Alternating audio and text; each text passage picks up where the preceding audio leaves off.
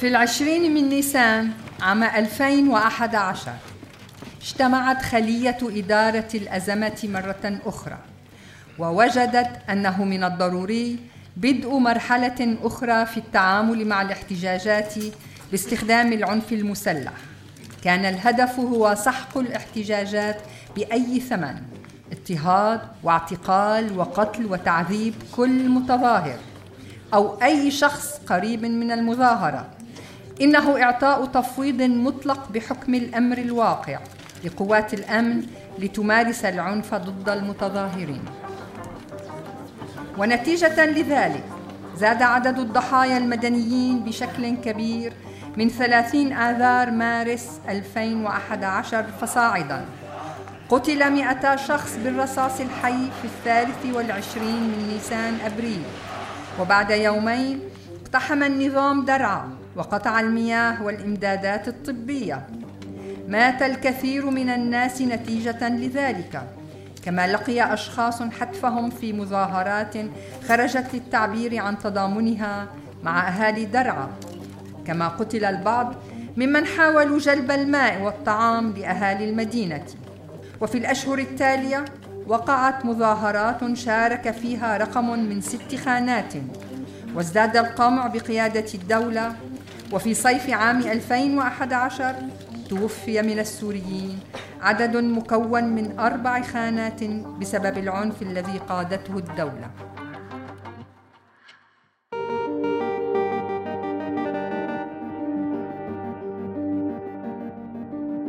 بودكاست الكاتبة. هو مسلسل درامي صوتي يعالج باللغة العربية المحكية جانبا من محاكمة ضابطي مخابرات سوريين في مدينة كوبلنز الألمانية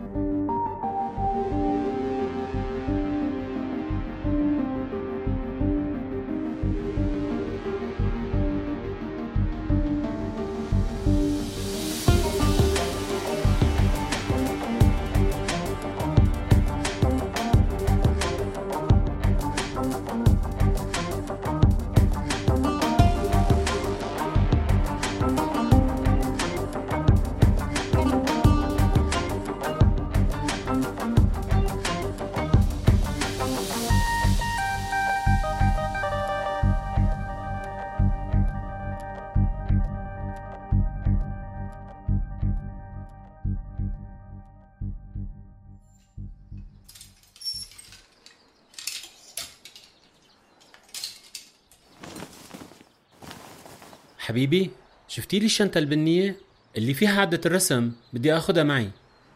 بين الخزانة والحيط ورا الباب على طول بتحطها هني. يسلموا لك أنا لولاكي شو بعمل؟ بتدبر حالك ما بينخاف عليك. لا؟ شو هاي بتدبر حالك؟ بالعادة بتقولي لي خليني فوق راسك خلينا لبعض. والله شكلي ما عم كون مفيدة معك بشي غير إني دلك وين أغراضك اللي مضيعهم لهالدرجة مضايقك؟ لا لا بالعكس. شكلي أنا اللي مضايقتك. لا عم أقدر ريحك ولا أثر عليك بشي غير إني استفزك. وأفتح لك على مواجع. لا هذا أنت عم تحكي جد.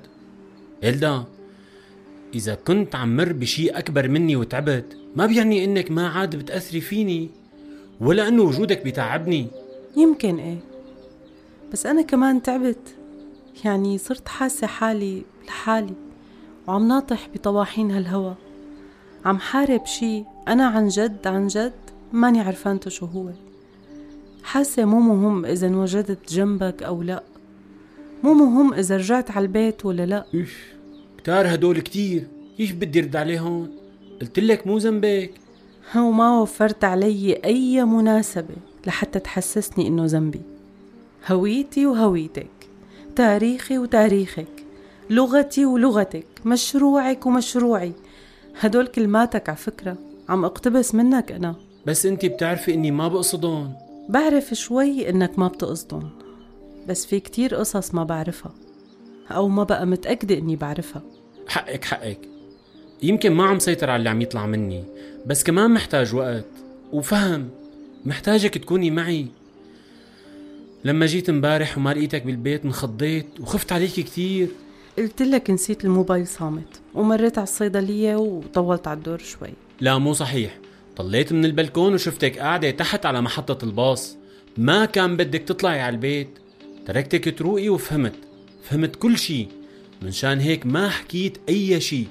كنت بدي أسمع منك وخبرك شي مهم. قمت تركتني نام وما حكيت شي. هيك. ببساطة. شفتي حالتك امبارح قد إيه كنتي تعبانة؟ ما كان فيني غير خليكي ترتاحي ليجي وقت ونحكي سوا. صراحة هلأ ما في وقت نعمل شيء أبدا يا دوب نلحق نوصل على المحكمة. اليوم آخر جلسة أصلا. اليوم آخر جلسة.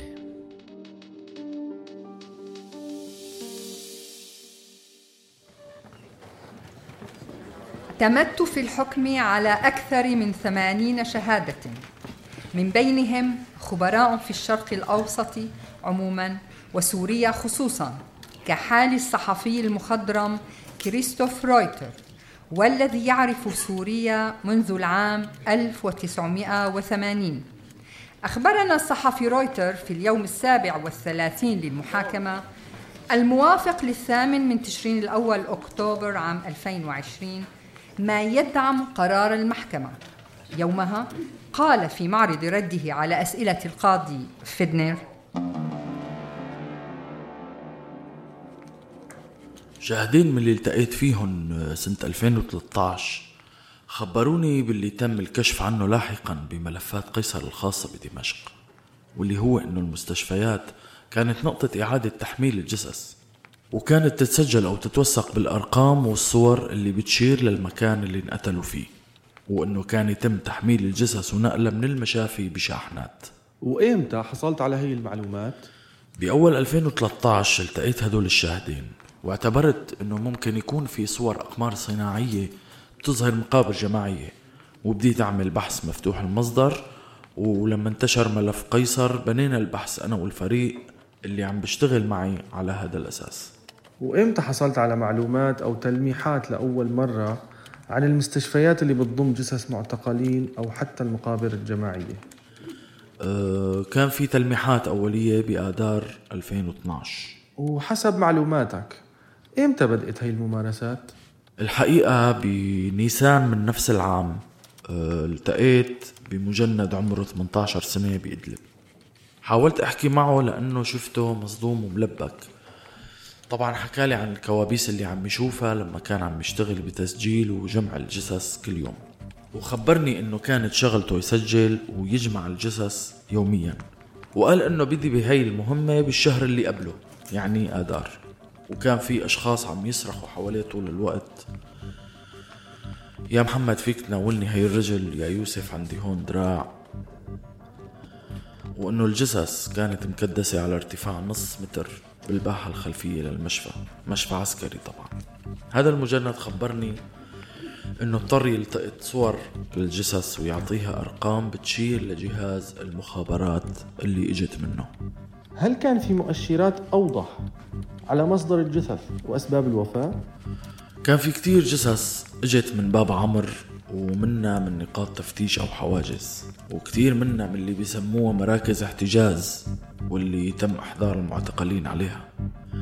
ومن فروع أمن مختلفة يعني أحيانا 30 جثة وأحيانا 400 جثة.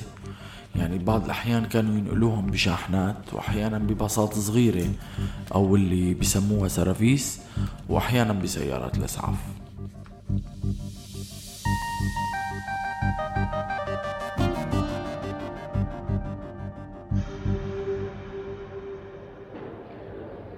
سيف حبيبي انت منيح؟ شفتك طلعت لبرا طيران.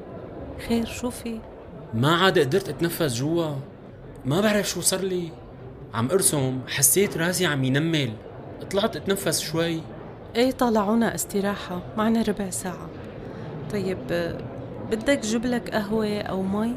لا يا روحي هيك تمام. كل مالي عم حس إنه اللي عم اسمعه عم يصير أتقل على قلبي. إيه وفوق اليوم كتير زحمة كمان. في كتير صحافة جوا وفي كتير ناس جاية من فرنسا وهولندا لتحضر هي الجلسة.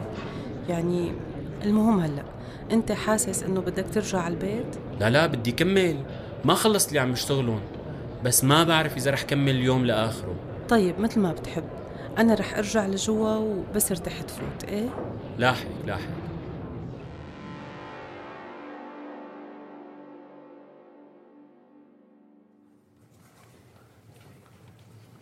هل كان في أجهزة مخابرات تانية إضافة لأجهزة المخابرات العامة؟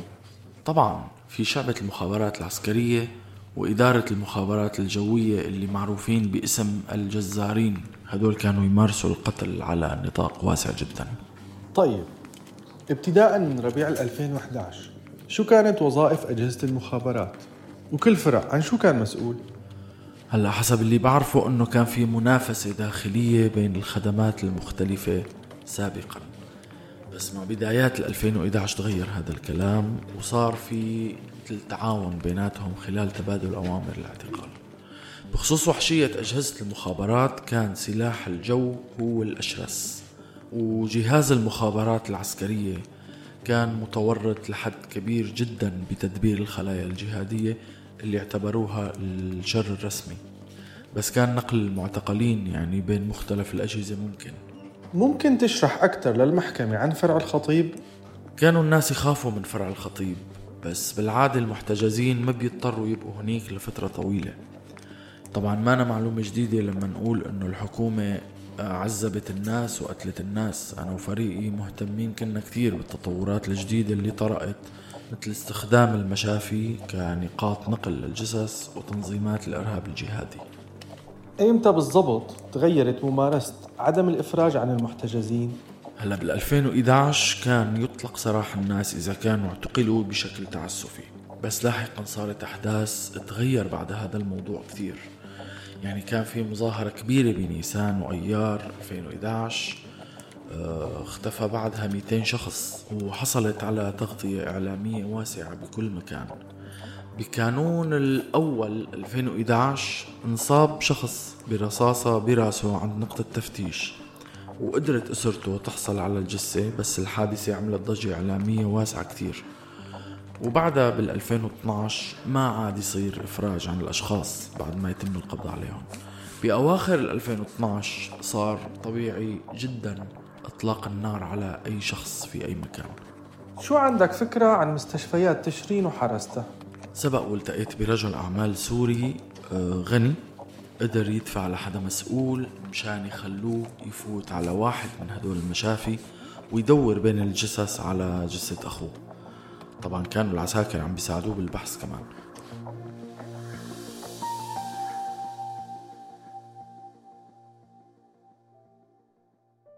أما أنا فما عملت شيء استسلمت بسرعة وما جربت حتى أني دور على طريقة لا يا أخي. لك أوجزته على الأقل. بس أنت عم تقلي إنك ما حضرت هي الجلسة اللي فيها الصحفي رويتر. صح. بس القاضية استرجعت شهادته وهي عم تقول الحجج قبل النطق بالحكم.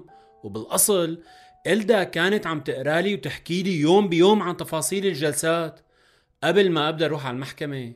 بس أنت كنت هون وما كان فيك ترجع على سوريا لحتى تدور عليه. مو عذر. أنا تركته لحاله. تركت أهلي يعيشوا قهر غيابه لحالهم. بحجة إني ما بقدر أرجع وما قدرت حتى إني أعيش أمل يرجع أو فجيعة إنه مات. معلق بالهوا مثل ريشة. تخيل إني من كم شهر لحتى خبرت إلدا إنه عندي أخ مفقود. ولما خبرتها كانت معي وفهمت وجعي وشجعتني أمشي بإجراءات مثل كل هالناس لأعرف مصيره. منشان هيك لما عرفت إنه في محكمة جديدة بفرانكفورت للطبيب المجرم بديت راسل منظمات وتواصل مع المحامي. بس ما بطلت احترق من جوا. شوف محكمة رسلان صار لها سنتين بس قربنا. ضل كم ساعة ليطلع الحكم صح؟ صح. بس اللي ماتوا ماتوا. واللي تعذبوا واللي غابوا ما رح يرجعون حكم محكمة على طرف بعيد. لك وهدوك المجرمين الأقصى ليش كل الدنيا عم تتفرج بسكوت؟ السعي للعدالة شي والسعي لمعرفة مصير شخص بتحبه شي تاني. فك الوصلة بيناتهم واشتغل على خطين ما بتتحقق العدالة قبل فهم مصائر الضحايا فهمان قصدي؟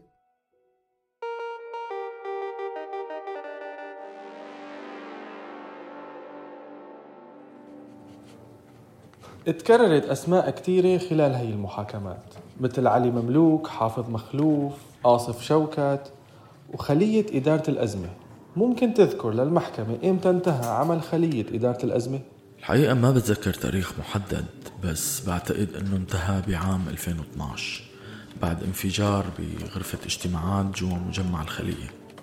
هلا في مجموعة من الثوار أقروا بتدبير الانفجار بس الحقيقة أني التقيت بالصدفة بشخصين معنيين بالانفجار. اثنيناتهم ضباط بيشتغلوا بمبنى خلية إدارة الأزمة. عندهم صور ووثائق من الغرفة اللي وقع فيها الانفجار. هذا المجمع ما كان يخضع لحراسة كبيرة ما كان في غير عدد قليل من الموظفين والمجندين وما كان في مشكلة حسب ما فهمت يرافق هدول المجندين أشخاص ما بيشتغلوا بالمكان يعني أشخاص من برا. آه، وما كان في عمليات تفتيش. بهي الطريقة قدروا يهربوا كميات صغيرة من المواد المتفجرة لداخل المبنى. ويحشوها بالسقف كونه ما في كاميرات مراقبة على السقف. القنبلة فعليا كانت جاهزة قبل الانفجار بوقت طويل لكن أعضاء اللجنة كانوا يختاروا كل مرة غرفة مختلفة ليجتمعوا فيها. لذلك استغرق الموضوع أسابيع حتى يرجعوا يجتمعوا بهي الغرفة وتم التفجير عن بعد باستخدام الموبايل.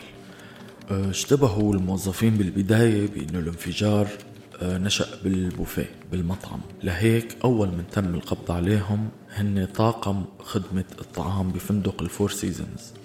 طبعا وضربوهم بعد سنين أه، انتشرت شائعة أنه الانفجار كان بأمر من بشار الأسد. ونحن كفريق للأسف ما قدرنا ننشر القصة بخصوص هذا الموضوع لأنه ما قدرنا نحصل على أدلة تدعم روايتنا. سؤالي لك هلأ. هل بتعرف الشخص الموجود على مقعد الاتهام؟ نعم بعرفه كيف بتعرفه؟ وهل عنده استعداد يقدم أي معلومات؟ بعتقد إني كنت أول صحفي حكى معه المتهم كان بالبداية متردد وحذر كثير لأنه بالنسبة لكل كبار المسؤولين السابقين كان التحدث مع أي صحفي غربي هو وضع جديد وخطير كانوا يعتبرونا العدو وممكن هيك مقابلة تكون نهاية لحياتهم المهنية وشو نوع المعلومات اللي قدم المتهم بهداك الوقت؟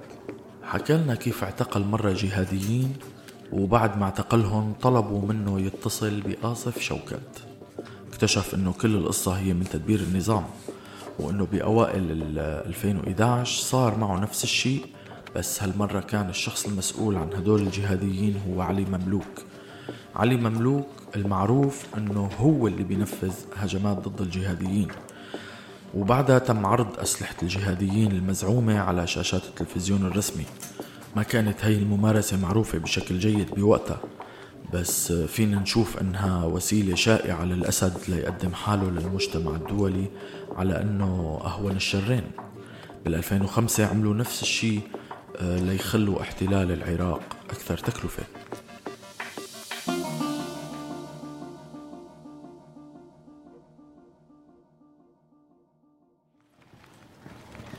هلا مضطرين نوقف بيان المحكمة النهائي وبنرجع بعد استراحة الغداء لنتابع حجج الحكم على المتهم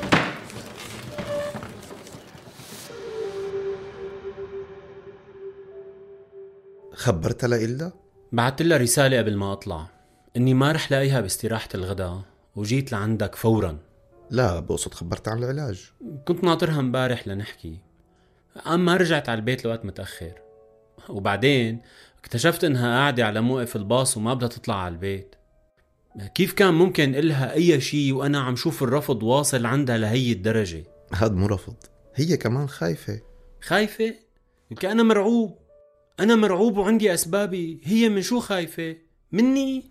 طيب إذا بتفكر شوي بتشوف إنه هي كمان عندها أسبابها. خلينا ما نذكر الحمل والولادة القريبة والهرمونات. بكفي ضغط المحكمة والجامعة التغيرات اللي عم تعيشها بعلاقتكم التفاصيل اللي صار عليها قلق الأحاديث اللي ما عادت طبيعية. هل أنت نفسك اللي كنت متحمس تنجب معها طفل؟ اللي أي حل وأنا جاهز. مو مسألة حلول مسألة إجراءات صحية. أولها أنك تراجع الأساسيات العطفة الحب الشراكة المساندة. يعني كن مباشر وشجاع وخبرها اليوم قبل بكرة. وبدي أطلب منك لما تخبرها تطلب منها ترافقك لعندي بالجلسة الجاي. شو ما كانت ردة فعلها بدي منك تتقبلها. جاهز؟ كتار هدول دكتور. أبدا أبدا. لما تبدأ فيهم رح تشوف قديش هن إجراءات صادقة ونبيلة. شو قلنا؟ طيب جاهز. طبعا جاهز. أنتج هذا المحتوى الصوتي بدعم وتمويل من مؤسسة هاينرش بيل.